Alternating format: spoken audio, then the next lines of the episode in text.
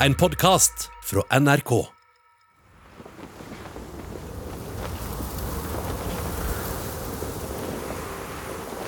Har du noen gang stått ute i snøen en vinternatt og sett nordlyset danse over himmelen som gigantiske bølgede gardiner? Da håper jeg du nøyt synet og kjente på den magiske nordlysstemningen. Jeg heter Veronica Danielsen, og jeg er fysiker og vitenskapsformidler og en skikkelig nordlysnerd. Det har alltid vært noe mystisk med dette grønne lyset på himmelen. Men visste du at nordlyset også er et faresignal for en stor katastrofe? Dette mener jeg burde vært pensum.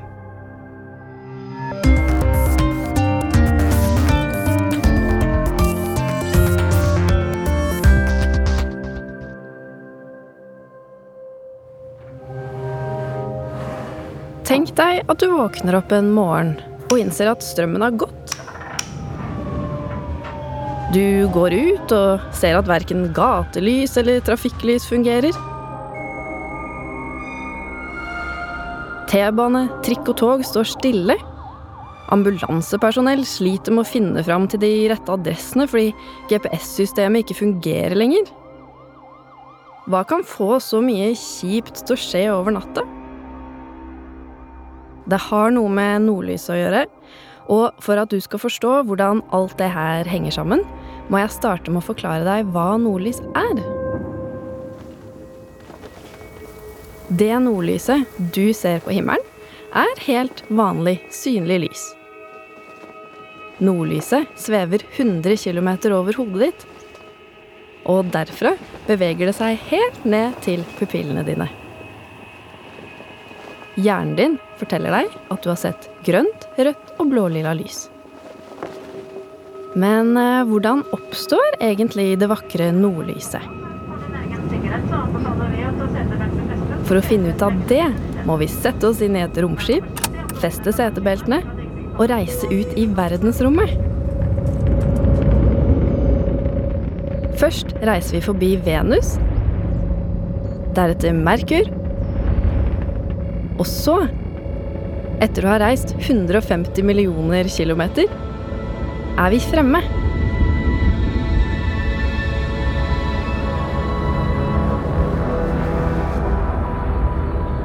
Vi befinner oss nå rett ved sola, stedet hvor forklaringen på nordlyset begynner.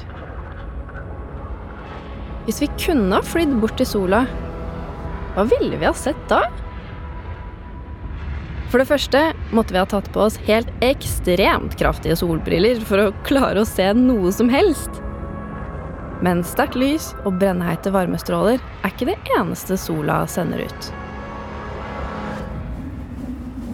Hvis du slenger et vått håndkle rundt og rundt over huet ditt som en cowboy med lasso, vil alle som står rundt deg, bli kliss våte.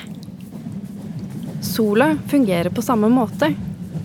Den snurrer konstant rundt sin egen akse. Og når den gjør det, slynger den også ut milliarder av små partikler i alle retninger. Disse partiklene kalles solvind. Partiklene i solvinden fyker av gårde i en rasende fart. Nærmere bestemt 1,4 millioner kilometer i timen. Men selv om vi sitter i romskipet vårt like ved sola, klarer vi ikke å se solvindpartiklene. Det er fordi de er så små at det er umulig å se dem, selv med verdens beste mikroskoper. Likevel kan det hende du har hørt om dem. Partiklene som sola sender ut, kalles protoner og elektroner. Og noen av dem er på vei rett mot jorda. La oss følge etter. Det tar ikke mange dager før solvinden kommer seg hele veien bort til jorda. Og det første den treffer, er jordas magnetfelt. Se for deg et liggende åttetall. Og midt i krysset i åttetallet så er det en liten prikk.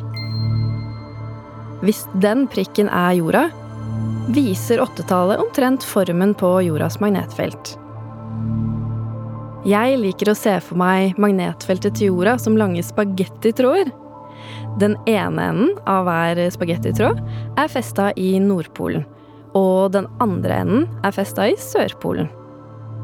Disse spagettitrådene er det mange av, og sammen pakker de jorda inn med lag etter lag av magnetfelt.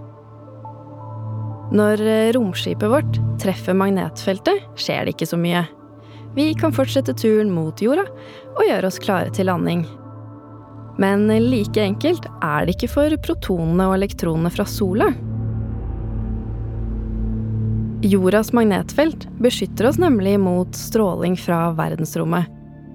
Men hvordan kan egentlig et magnetfelt beskytte oss mot bitte små partikler, når det store romskipet bare kan fly rett gjennom? For å forstå det må vi først snakke litt om elektrisk ladning, og hva det har med magnetisme å gjøre.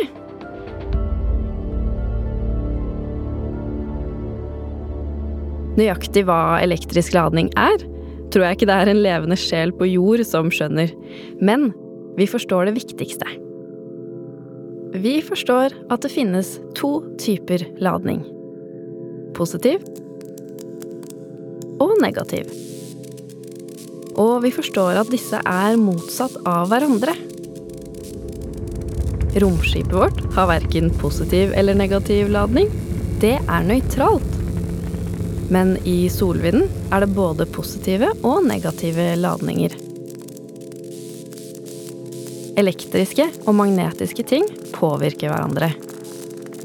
Så hva skjer da, når de elektrisk ladede solvindpartiklene møter magnetfeltet rundt jorda? Jo, da oppfører solvindpartiklene seg som biljardkuler som treffer kanten av et biljardbord. De aller fleste solvindpartiklene spretter tilbake og forsvinner ut i verdensrommet. Men noen få elektroner og protoner hekter seg fast i de spagettilignende magnetfeltlinjene til jorda. Mens vi kan kjøre romskipet vårt strak av veien hjem, må solvindpartiklene følge de buede magnetfeltlinjene mot polene. Og først når de kommer dit, klarer de å trenge seg ned i atmosfæren, stedet hvor magien skjer. Eller vitenskapen, da, som jeg liker å kalle det. Nede i atmosfæren krasjer solvindpartiklene med ulike gasser og overfører energi til dem. Men eh, gassene klarer ikke å holde på energien særlig lenge. Etter kort tid sender de den ut igjen i form av lys. Vakkert nordlys som du og jeg kan se når vi har gått ut av romskipet vårt nede på jorda. Ser vi godt etter, ser vi kanskje litt rødt lys på oversiden av det grønne, og litt blålilla lys under det grønne. Hvorfor ser vi akkurat disse fargene? Jo mer energi solvindpartiklene har, jo lengre ned i atmosfæren kommer de. Og jo mer energi overfører de til gassene de krasjer i. Fargen på alt lys bestemmes av energien til lyset. Rødt lys har minst energi. Grønt lys har middels og blålilla lys har mest energi. Fargen på nordlyset kan derfor fortelle deg noe om hvor høyt over bakken lyset befinner seg.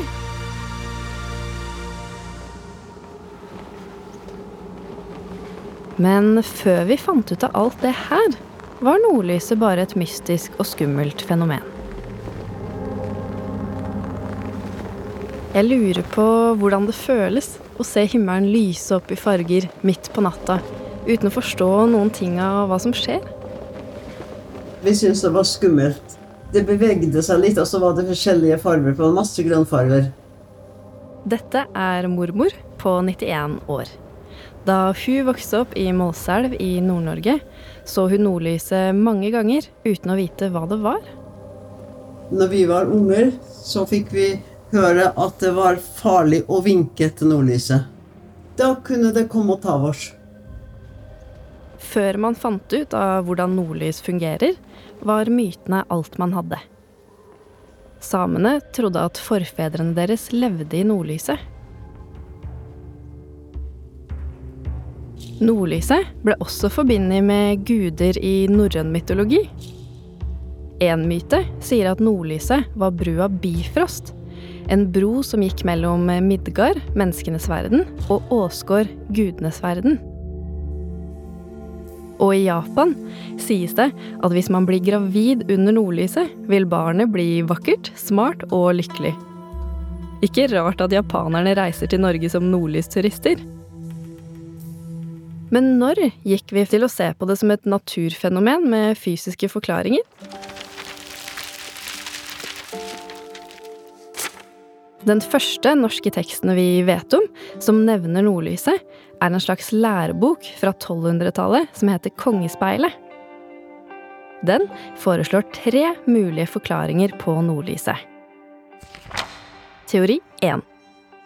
Jordskorpa er som et enormt isflak som flyter rundt på et enda større hav. Og utafor havet er det ild. Vi, som bor helt nord på jorda, befinner oss veldig nærme denne ilden. Derfor kan vi se gjenskinnet av ilden i form av nordlys. Teori 2. Man så for seg at sola forsvant inn under jorda om natta, og at nordlyset var gjenskinnet fra sola. Teori 3 var at nordlyset var gjenskinn fra all snøen og isen i nord.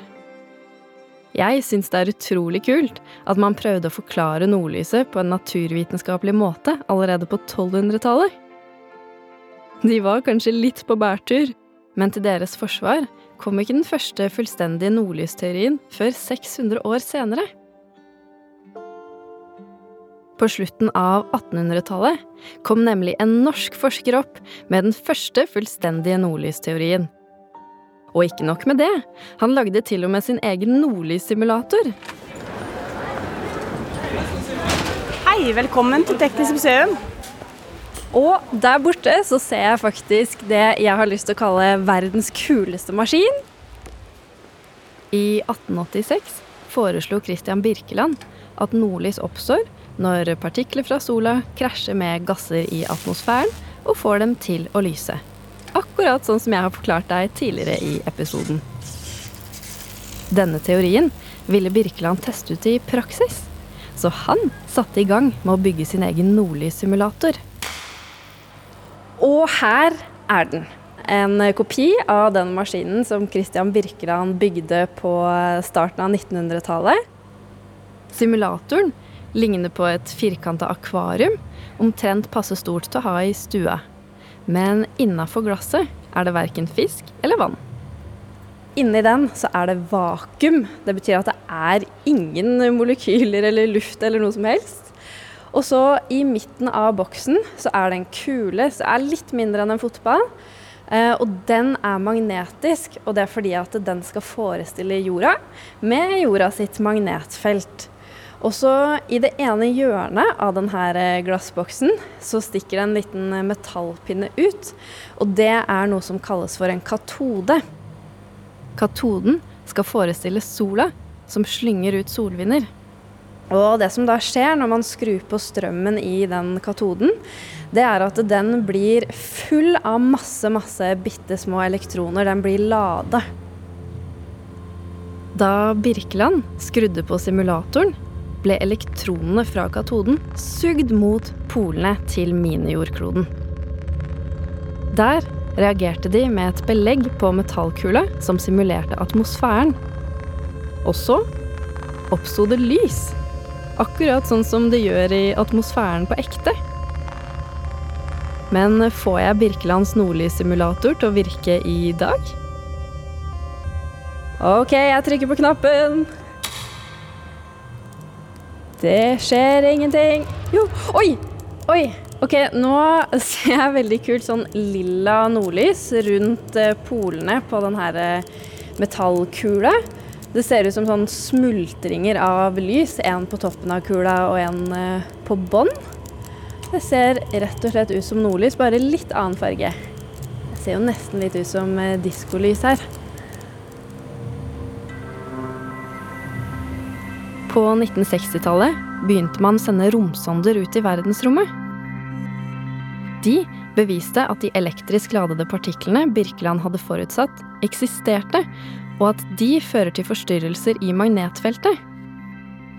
Først 50 år etter at Christian Birkeland døde, ble teoriene hans internasjonalt anerkjente. Her skulle en kanskje tro at jeg kunne si snipp, snapp, snute. Men fortellingen om nordlyset er fremdeles ikke ute. For fysikere gir seg ikke bare fordi de har skjønt hvordan noe funker her på jorda. De vil finne universelle lover som gjelder overalt.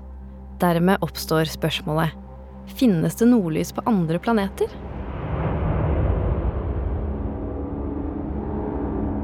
I 1979 registrerte romsonden Pioner 11 nordlys på Saturn.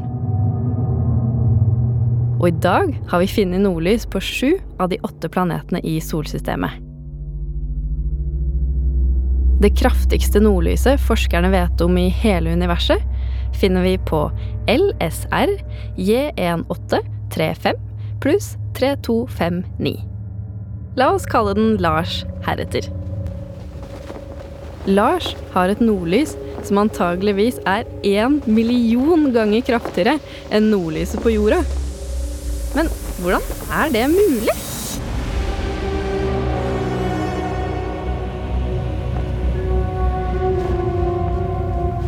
Lars har nemlig ikke sin egen sol.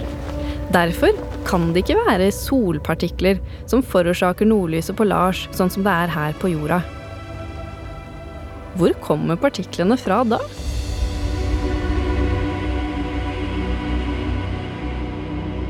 Et forslag er at partiklene kommer fra Lars selv. Et annet er at de kommer fra en vulkansk planet i nærheten. For øyeblikket kan vi ikke si noe sikkert. Men det som er sikkert, er at jeg endelig har kommet fram til det denne episoden egentlig handler om. At det sterke, vakre nordlyset du ser på himmelen, også kan være et signal på vår neste store katastrofe. Jeg har fortalt deg at sola skyter ut partikler mot jorda hele tida. Noen ganger skyter sola ut ekstra mange partikler med ekstra høy hastighet. Dette kalles en solstorm. Under en solstorm er sjansen stor for å kunne se skikkelig fint nordlys. Sånt nordlys som du ser i turistreklamer. Men det vakreste nordlyset ser du under supersolstormene. Og da begynner det å bli farlig.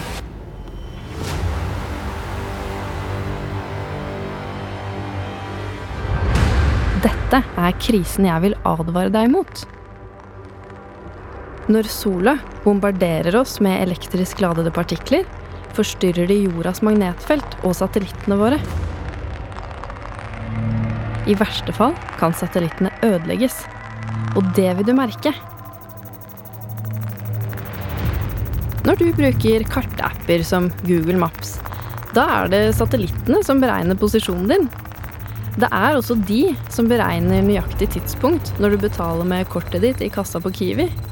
Noe som er avgjørende for trygge digitale banktransaksjoner. For å kunne sjekke værmeldinga er du også avhengig av satellitter. Poenget er at ødelagte satellitter er kjipt. Men det er ikke den eneste kjipe tingen kraftige solstormer fører med seg. Nede ved bakken oppstår det ekstra strøm i strømledningene våre. I verste fall kan det slå ut strømnettet i store områder over lang tid. Hvor lenge klarer du deg uten strøm på mobilen?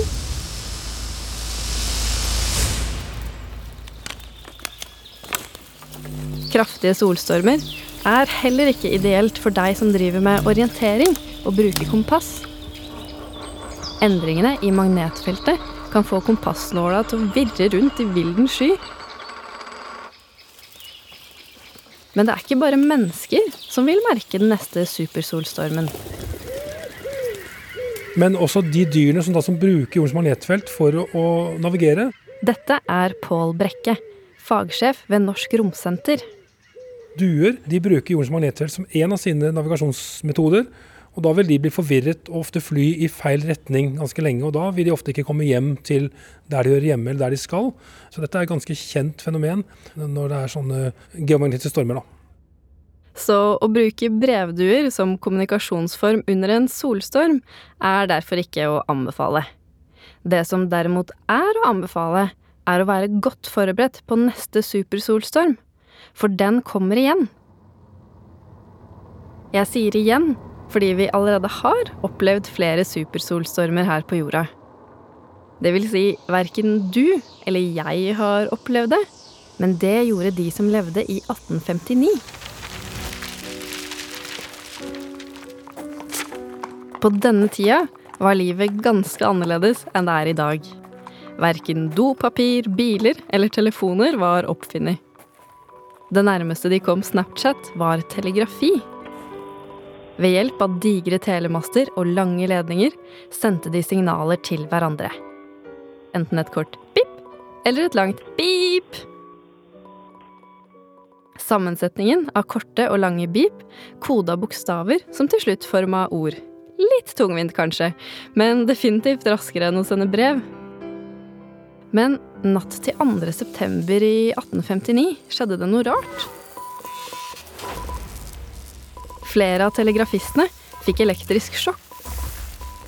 Og telemaster rundt omkring tok fyr. I Sør-Carolina våkna murerne opp midt på natta av et sterkt lys. Det som hadde vekket dem, var nordlyset. Det hele skyldtes den kraftigste supersolstormen som noensinne er registrert på jorda.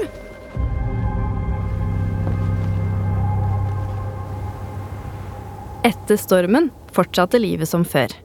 De måtte bare reparere telegrafledningene litt først. Så enkelt blir det ikke for oss hvis en supersolstorm treffer oss i morgen. Vi har blitt mer og mer avhengig av teknologi som ikke takler supersolstormer særlig godt. Derfor er det viktig at vi blir varsla når solstormene kommer rett mot jorda. Et romværvarsel.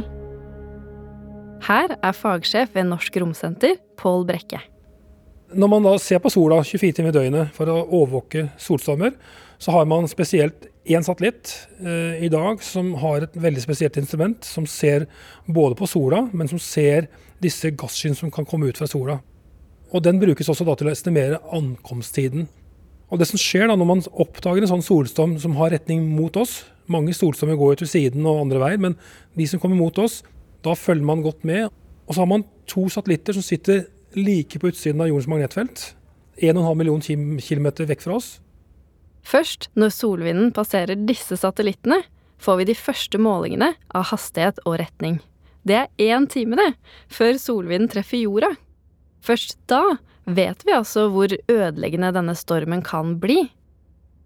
Men eh, hva så, tenker kanskje du. Kan vi egentlig gjøre noe som helst for å beskytte oss mot katastrofale supersolstormer?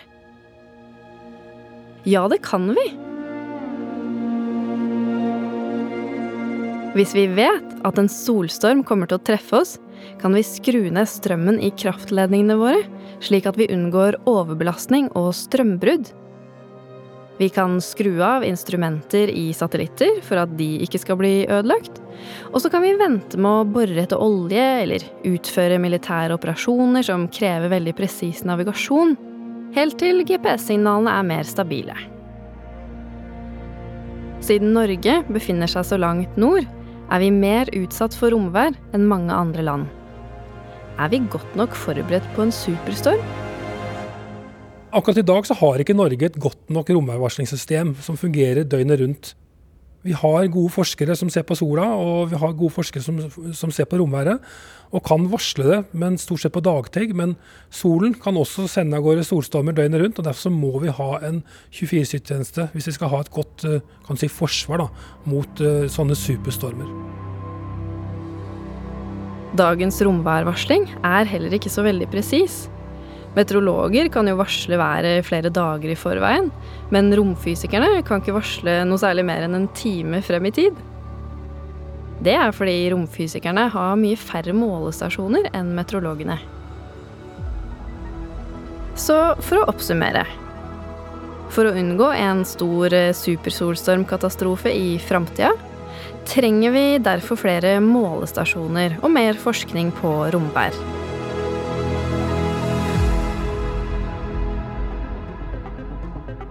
Jeg heter Veronica Danielsen og er fysiker og vitenskapsformidler.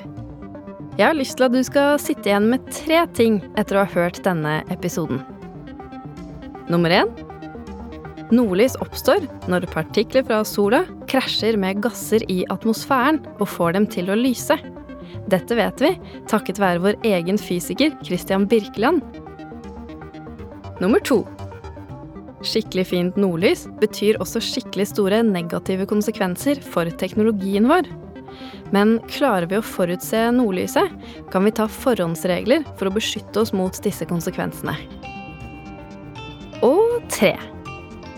Norge er ikke godt nok forberedt på den neste supersolstormen. Den kan komme når som helst. Derfor må vi få på plass et norsk døgnvarsel for romvær så fort som mulig.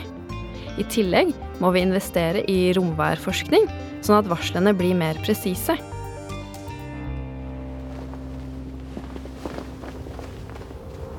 Men ikke glem det her, da. Å se det grønne nordlyset er magisk. Så hvis du ikke har sett det, så har jeg et tips til deg. På yr.no finnes det et nordlysvarsel. Der kan du se neste gang den mørke nattehimmelen over deg lyses opp av grønne, flagrende nordlysgardiner. Har du lyst til å høre andre ting som burde vært pensum? Følg Burde vært pensum i appen NRK Radio. Burde vært pensum er laget av Lyder Produksjoner for NRK. Produsent Christian Marstrander. Research Sigrid Jølstad. Lyddesign ved Sondre Myrhol. Musikken er laget av Halvard Hagen og Jens Petter Nilsen. Og ansvarlig redaktør fra NRK Ole Jan Larsen.